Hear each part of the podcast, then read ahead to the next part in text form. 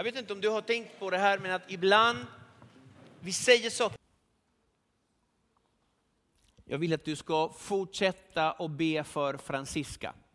Det här är inte den enda gången vi ska be för dem. Ta med det hem. Mm, be i era grupper, i citygrupperna. Vad ni än gör, kom ihåg dem. Mm, kom ihåg dem. Det här ska sluta på ett annat sätt. Amen. Ehm, de senaste veckorna, om vi ska gå in i, i, i predikan nu. Eh, de senaste veckorna har, ehm, har vi pratat om eh, en, en princip, en andlig princip som vi finner i Bibeln. Ehm, och eh, det finner vi i Matteus kapitel 6 i de första verserna. Det finns tre ämnen som berörs och det är bönen, fastan och givandet.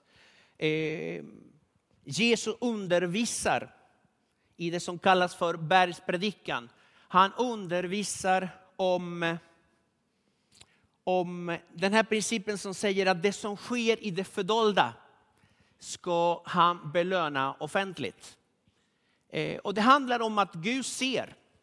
Det handlar om att Gud ser. Han ser inte bara vad vi gör, utan hur vi gör det och framför allt varför vi gör det.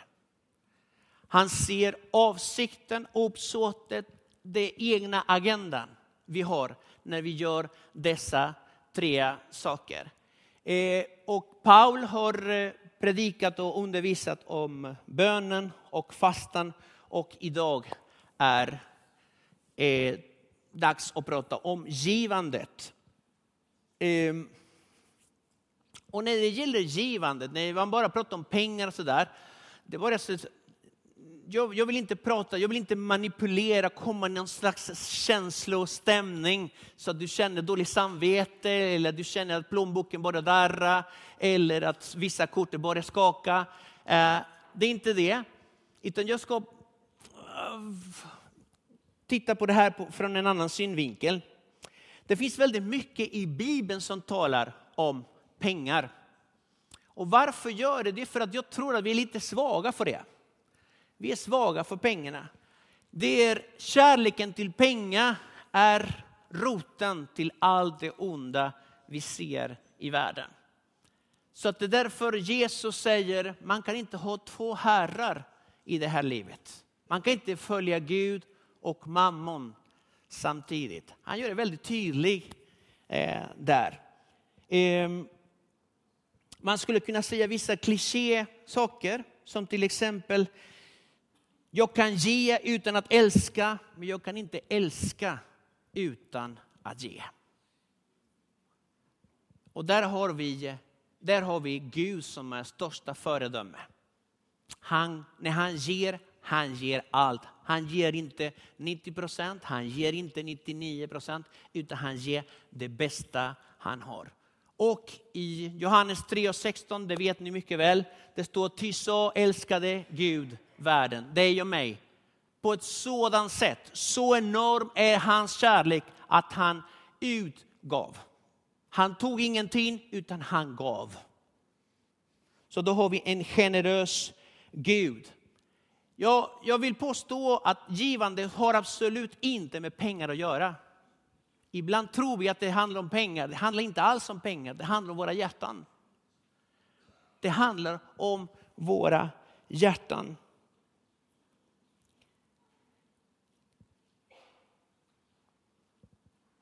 Jesus gav sitt liv för oss. Ett föredöme att visa, ett föredöme att följa. Eh, men det är inte Jesus jag ska prata om idag, utan jag kommer att prata om en annan kille. Mina tankar gick till Cornelius. Cornelius, egentligen han har en lite biroll i filmen, men, eh, men du vet att, att ibland ger man ett, en, en gång om året ger man ett pris till bästa biroll. Ja? Och Låt oss se Cornelius, för att även om det pratas inte så jättemycket om honom, en mycket, mycket bra biroll i historien. Ehm, så vi kommer till första frågan och det är vem var den här Cornelius? Hans, ehm, hans liv beskrivs lite grann i Apostlagärningarna kapitel 10. Så vi kan gå till Apostlagärningarna kapitel 10 och jag uppmuntrar och uppmanar och utmanar dig att om du vill veta mer om Cornelius, läs hela kapitel 10 i Apostlagärningarna när du kommer hem. Och vill du läsa om effekterna av det som hände i kapitel 10, fortsätt till nästa kapitel, kapitel 11. För där får du veta mer om det som hände med honom. Eh, I kapitel 10, i vers 1, kan vi se en liten presentation av det han, vem Cornelius är. Och det står så här i Caesarea, en stad som ligger vid Genesarets sjö, bodde en man som hette Cornelius, en officer vid den italienska vaktavdelningen. En kort presentation av vad han sysslade med.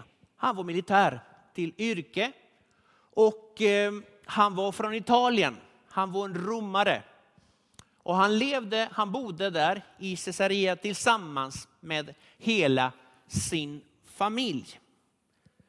Eh, den här beskrivningen beskriver inte honom som person utan bara vad han gjorde i Israel. Vad sysslade han med? Det är inte jobbet som definierar vilka vi är. Men nästa vers kommer att definiera vem han var. Och det här är en beskrivning som Bibeln gör om honom. Han var from och fruktade Gud liksom alla i hans hus. Och han gav frikostigt med gåvor till folket och bad alltid till Gud.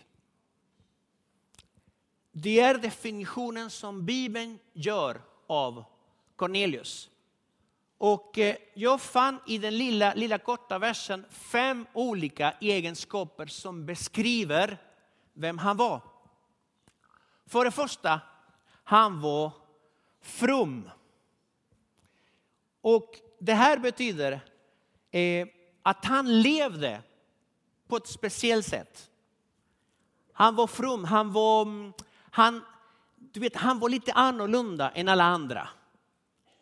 Eh, han levde eh, på ett speciellt sätt som gjorde honom annorlunda. Och varför gjorde han det? Ja, det ser vi i nästa egenskap.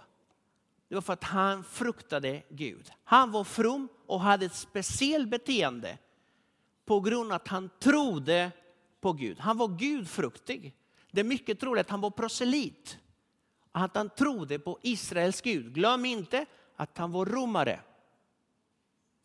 När han, fruktade, när han säger att han står Gud, det står inte att han fruktade gudarna, de romerska gudarna, utan han fruktade Gud den högste. Han var Gud fruktig. Och sen, eh, det gjorde honom till en hungrig människa, en, en andlig hungrig människa. Och nästa, nästa egenskap, liksom alla i hans hus. Cornelius var en person som påverkade sin omgivning. Cornelius levde ett liv som blev ett föredöme för alla i hans hus.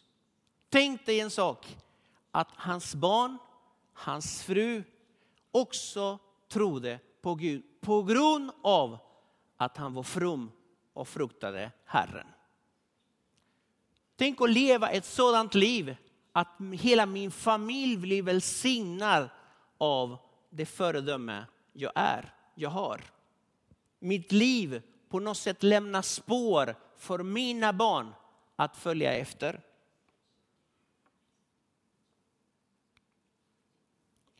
Nästa egenskap, han var frikostig. Han var frikostig med gåvor. Han var givmild han gav till behövande människor. Ehm, det är någonting som kännetecknade honom och den sista egenskapen är han bad alltid till Gud. Jag tycker det var fantastiskt vilka egenskaper han hade. Tycker inte det? Han hade fantastiska egenskaper. Det finns ett problem i det här. Man tänker så här, jag skulle vilja ha en sån Cornelius här i kyrkan. kanske finns många Cornelius och Corneliusar eh, här i kyrkan. Men han saknade något. Han var inte frälst. Han hade inte Jesus i sitt liv. Även han var hungrig, han var längtad efter Gud, han bad till Gud, han gav mycket. Men han hade inte Jesus som sin Herre. Han saknade det. Det liv som han hade, det liv som han hade provocerade någonting i himlen. Och om vi läser texten som kommer nu i Apostlagärningarna kapitel 10, vers 3 och 4. Det står så här. En dag omkring nionde timmen såg han tydligt i en syn hur en Guds ängel kom in till honom och sa Cornelius. Han stirrade förskräckt på ängeln och frågade, vad är det Herre? Ängeln sa, dina böner och dina gåvor har stigit upp till Gud som ett offer han kommer ihåg. Det liv Cornelius hade orsakade något i himlen. Och Gud agerade. Gud agerade. Gud vill komma till eh, Cornelius. Och han kommer att skicka tre personer, två betjänter, två anställda och en soldat fram till Petrus för att söka honom. Gud kommer säga till honom, gå och hämta den där Petrus, för han har något till dig att säga. Eh, Cornelius var en man som, eh, som hade ett vittnesbörd. Det var många som vittnade om Cornelius liv. Och vi kan prata om eh, först hans barn som vi har pratat om, hela hans hus. Eh, sättet som de såg pappa leva, sättet som de såg eh, när de såg hans, eh, vad ska vi säga, hans övertygelse och hans tro påverkade hela hans hus. Cornelius hade ett vittnesbörd hemma. Hemma. Här i kyrkan är vi jättefina och fromma allihopa och heliga allihopa. Men det är inte här man ska se, utan det är hemma.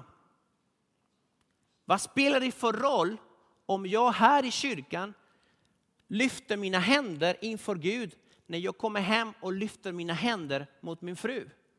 När jag lyfter mina händer mot mina barn? Då har jag inget vittnesbörd hemma. Att leva på ett sätt i kyrkan och att leva på ett annat sätt hemma, det är något annat än att leva med ett vittnesbörd. Så var det inte med Cornelius. Eh, han hade också ett vittnesbörd bland sina anställda, bland sina kollegor. Och det står i eh, Apostlagärningarna 10, vi kommer att prata väldigt mycket Apostlagärningarna 10, vers 22, första delen, det står så här. De svarade, de här tre männen som kom till Petrus, officeren Cornelius är en rättfärdig man som fruktar Gud. Cornelius hade ett vittnesbörd på jobbet. På jobbet. Arbetskollegorna talade gott om Cornelius. De såg någonting. Jag hade ett jobb, jag ska inte säga var någonstans. Eh, men jag kommer ihåg att jag hade ett jobb på en plats där det fanns också en, en troende person. Men vittnesbördet om honom, det var inte så bra. Eh, mina kollegor sa liksom, när det väl behövdes någon som lägger, lägger manken till, den personen gömmer sig på toaletten. Men han kan predika. Jo, jo, han vittnade och predika, men när det, när det handlade om att jobba, då var han inte där. Och det var inget bra vittnesbörd för kollegorna. Jag menar inte att vi ska inte predika, jag menar inte att vi ska inte vittna, men på jobbet ska vi jobba. Visst är det så? Tycker ni det är jobbigt det här? Ja, det är så tysta, det är därför jag undrar. På jobbet jobbar man. Amen. Man lämnar ett bra vittnesbörd, man kommer i tid, man, man ska det man ska göra, liksom det gör man. Det är ett vittnesbörd också för kollegorna. Och detta hade Cornelius. Detta hade Cornelius. Cornelius hade ett vittnesbörd också bland sina nära och kära. Annars kan jag inte förstå att hans hus var fyllt av vänner och bekanta. Eh, det står längre fram att alla, alla i hans hus, det var fyllt, det var fyllt. Jag vet inte hur stort hans hus var. Men jag, jag kan inte tänka mig det var 10 pers eller 20 eller 30, det var mer än så. Alla var där. Det fanns någonting i hans liv som talade om för hans nära och kära om Gud. Han hade ett vittnesbörd, vad långt den här listan blev. Han hade ett vittnesbörd bland hela det judiska folket också. Det står i texten i 10.22. Och hela det judiska folket talar väl om honom. Nu måste vi tänka på en sak. Han var en romare. Han tillhörde den romerska armén. Han kommer från romarriket, ockupationsmakten i Israel. Och han var generös mot judarna. Vad säger mig det här? Att han hade ett gott vittnesbörd bland fienderna. Han hade ett gott vittnesbörd bland de som inte gillade romarna. Tänk dig att de som inte gillar dig, de har inget ont att säga om dig. Så gott vittnesbörd har man. Så gott vittnesbörd hade han bland det judiska folket. Och Gud också vittnade om honom. Vi läste i början, dina böner och dina gåvor. Kom ihåg vad jag sa i början eh, om det man gör i det fördolda. Gud gör det i det offentliga. Just handlar om tre saker. Det var bön, det var fasta och det var givandet. Han, han hade ett liv i det fördolda när det gällde bönen och när det gällde givandet.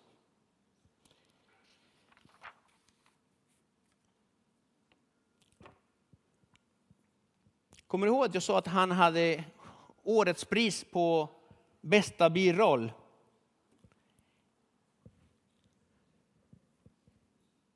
Cornelius kommer att bli en, eh, spela en nyckelroll för att evangeliet ska komma till hedningarna. Vi har väldigt mycket att tacka Cornelius faktiskt.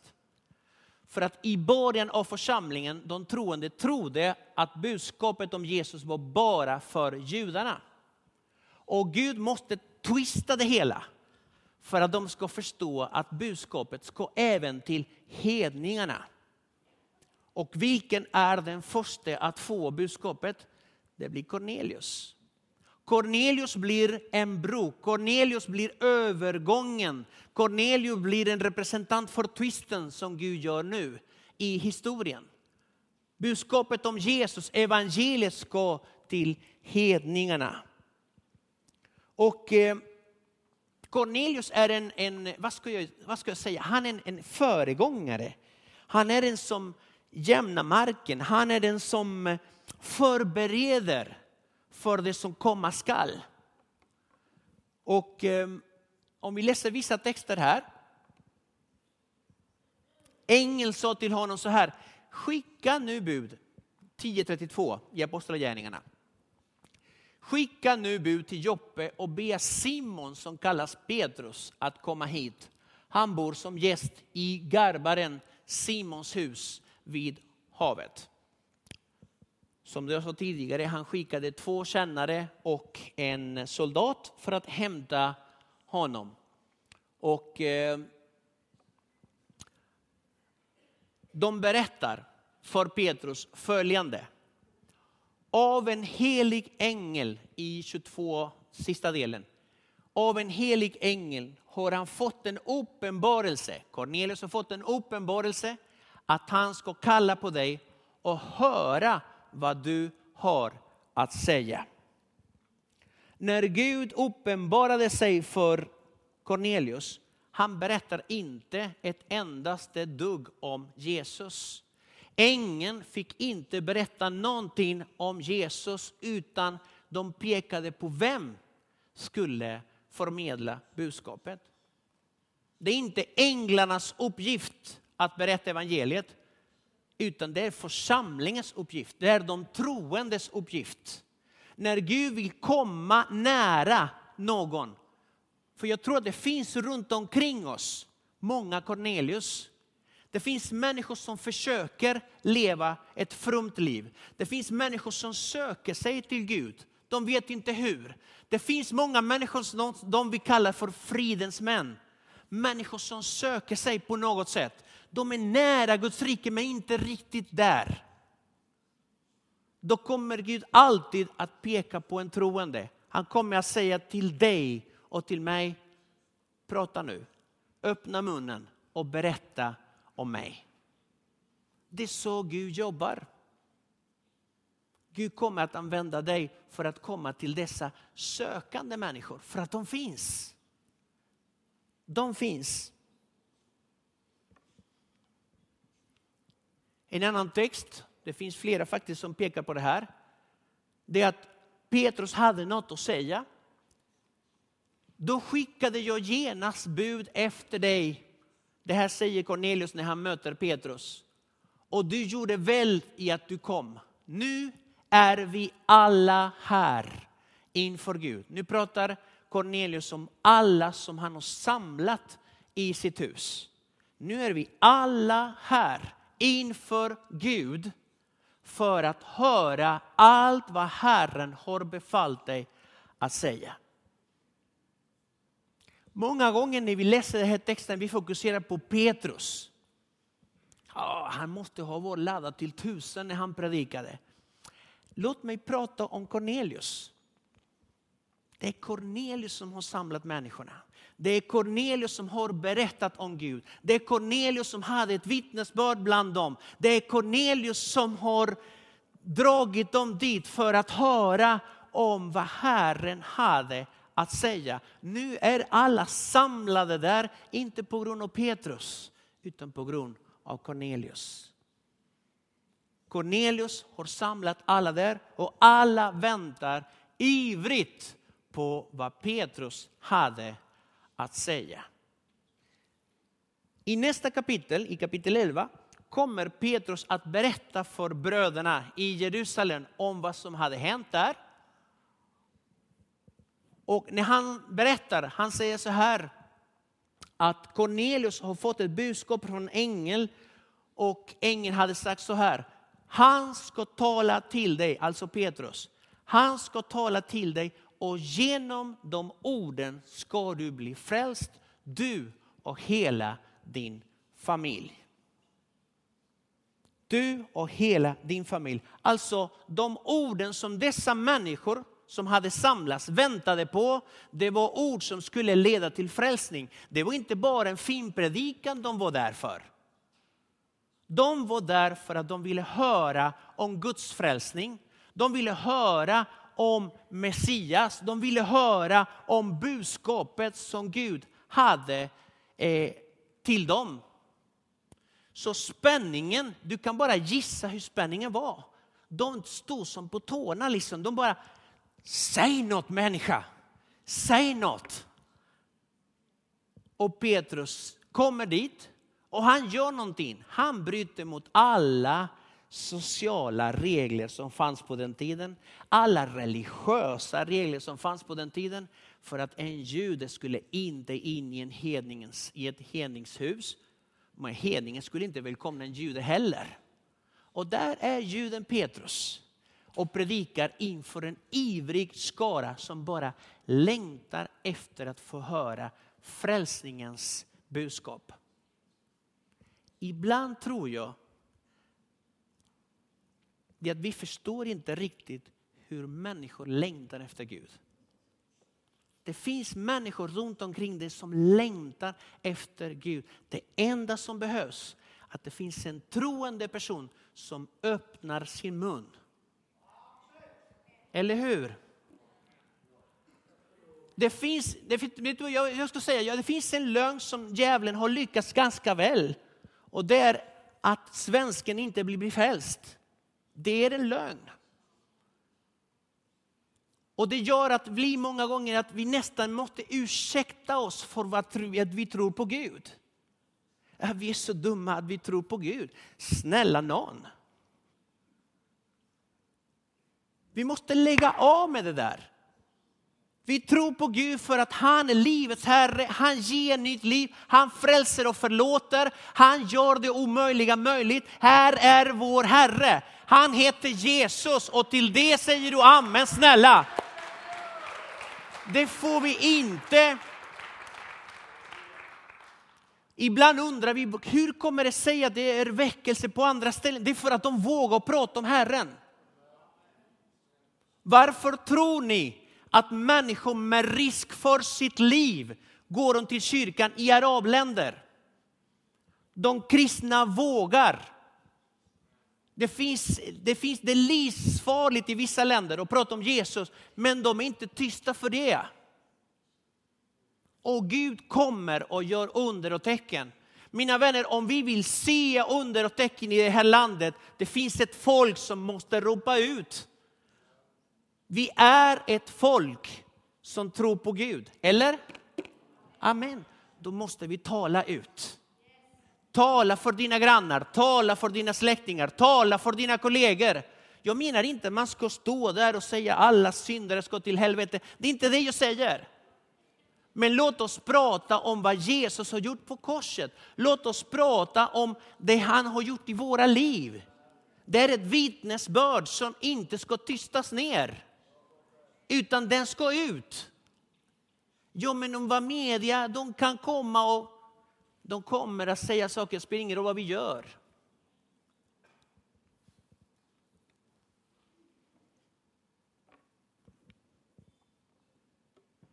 Det finns en kraft i ordet, det finns en kraft i vittnesbördet.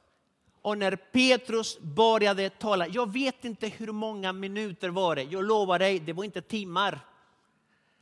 Han bara presenterar budskapet. Han gör en liten inledning. Han bara börjar att prata om vem Jesus är och vad han har gjort på korset. Och då händer detta. När Petrus, medan Petrus ännu talade i vers 44 kapitel 10. Medan Petrus ännu talade. Han hade inte kommit till slutklämmen. Jag kommer snart till slutklämmen, inte han. Medan Petrus ännu talade föll den helige ande över alla, säg alla, alla, alla som hörde ordet. Kan du tänka dig, hela huset var samlade. Alla längtar efter att få höra. Petrus kommer och predikar och alla blir döpta i en helige ande samtidigt. Det finns kraft i ordet. Men ordet måste talas ut.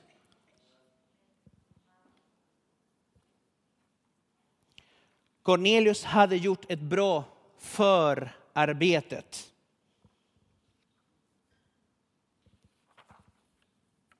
Amen. Något nytt hade börjat. Något nytt hade börjat i och med det som hände i Cornelius hus. Församlingen kommer nu att rikta blicken mot andra folk, precis som Jesus sa vid slutet i missionsbefallningen. Gå ut i hela världen och predika det för alla folk. Gör alla folk till lärjungar. Så nu ska vi inte hålla tyst utan vi ska tala. Cornelius lämnar ett föredöme. Ett föredöme. Och det är bönen och givandet. Det var där jag ville komma, till givandet. Han var generös. Han var generös eh, med sina pengar, men han var generös med sin tid. Han var generös med sin energi. Han var generös med sin kärlek. Han var generös i sin familj. Han var generös på jobbet. Han var generös bland sina grannar. Han var generös bland sina nära och kära. Han var en generös människa. Han levde för att ge. Och vet du vad? Gud är en givande Gud. Och när han ser ett givande hjärta, Gud kan inte stå still. Han börjar dansa lite för han har hittat någon som tänker som han, som lever som han.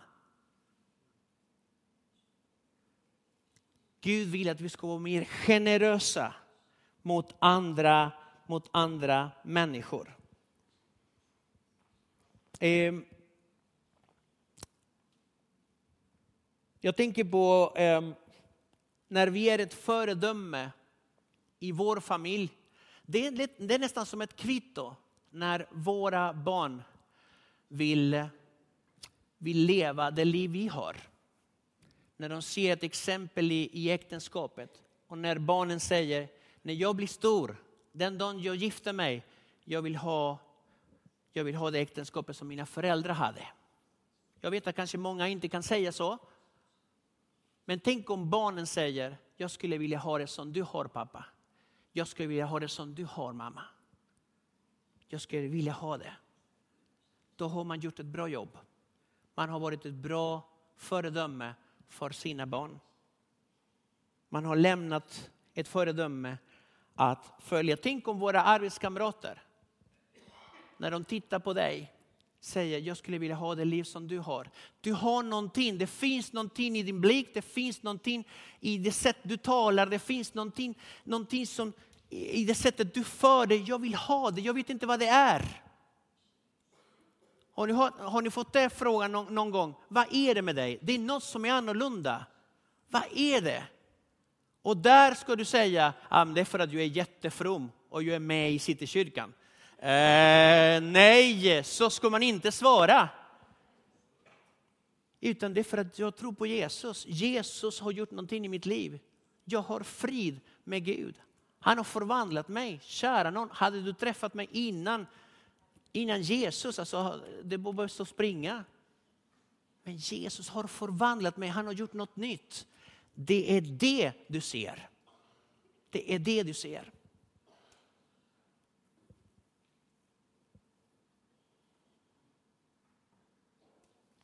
Jag tror att vi behöver flera Cornelius här i vår kyrka flera Cornelius, både män och kvinnor som är generösa, som vill vara med och ge. Och ge av sina pengar och ge av sin tid och ge av sin energi till det som Gud vill ge oss. Då kan det bli välsignelse för oss men också även för andra människor. Låt oss bli ett generöst folk. Låt oss bli kända i himlen. När Gud tittar på oss och säger jag ser, jag hör deras böner, jag ser deras generositet. Jag ska komma och göra något nytt. Låt oss vara en stödjare. Låt oss bli en stödjare för missionärer. Okej, okay, jag kan inte vara i missionen, men jag kan stödja en missionär. Låt oss vara stödjare för bibelskoleelever. Finns det några bibelskoleelever här? Jag är så blyga de är ibland. Eh, Låt oss stödja dem. Låt oss stödja människor i nöd. De i kaffeliv, de behöver hjälp. De behöver resurser. Låt oss stödja, var stödjare för det. Låt oss stödja Soha. Barn i, tre, i tredje världen som behöver en fader. Låt oss stödja detta. Låt oss stödja Just Earth som vi pratade om. En bonde någonstans i Uganda. Låt dina medel, låt dina kronor bli välsignelse för dig och för någon annan. Jag tror att Gud har många projekt på gång. Gud har projekt. Grejen är att det kommer kosta. Frågan är om du vill vara med i det Gud tänker göra. Jag vill det. Jag vill vara en person, jag vill vara en Cornelius. Jag vill vara en person som när Gud säger, nu behövs det pengar här. Amen, det jag har. För att givande har inte med hur, mycket, hur många kronor du har. Det har att göra med vad du gör med dina kronor. Låt oss stödja allt som Herren har. Han har förberedda gärningar, han har förberedda projekt, han har människor som han vill nå och han behöver oss. Låt oss bli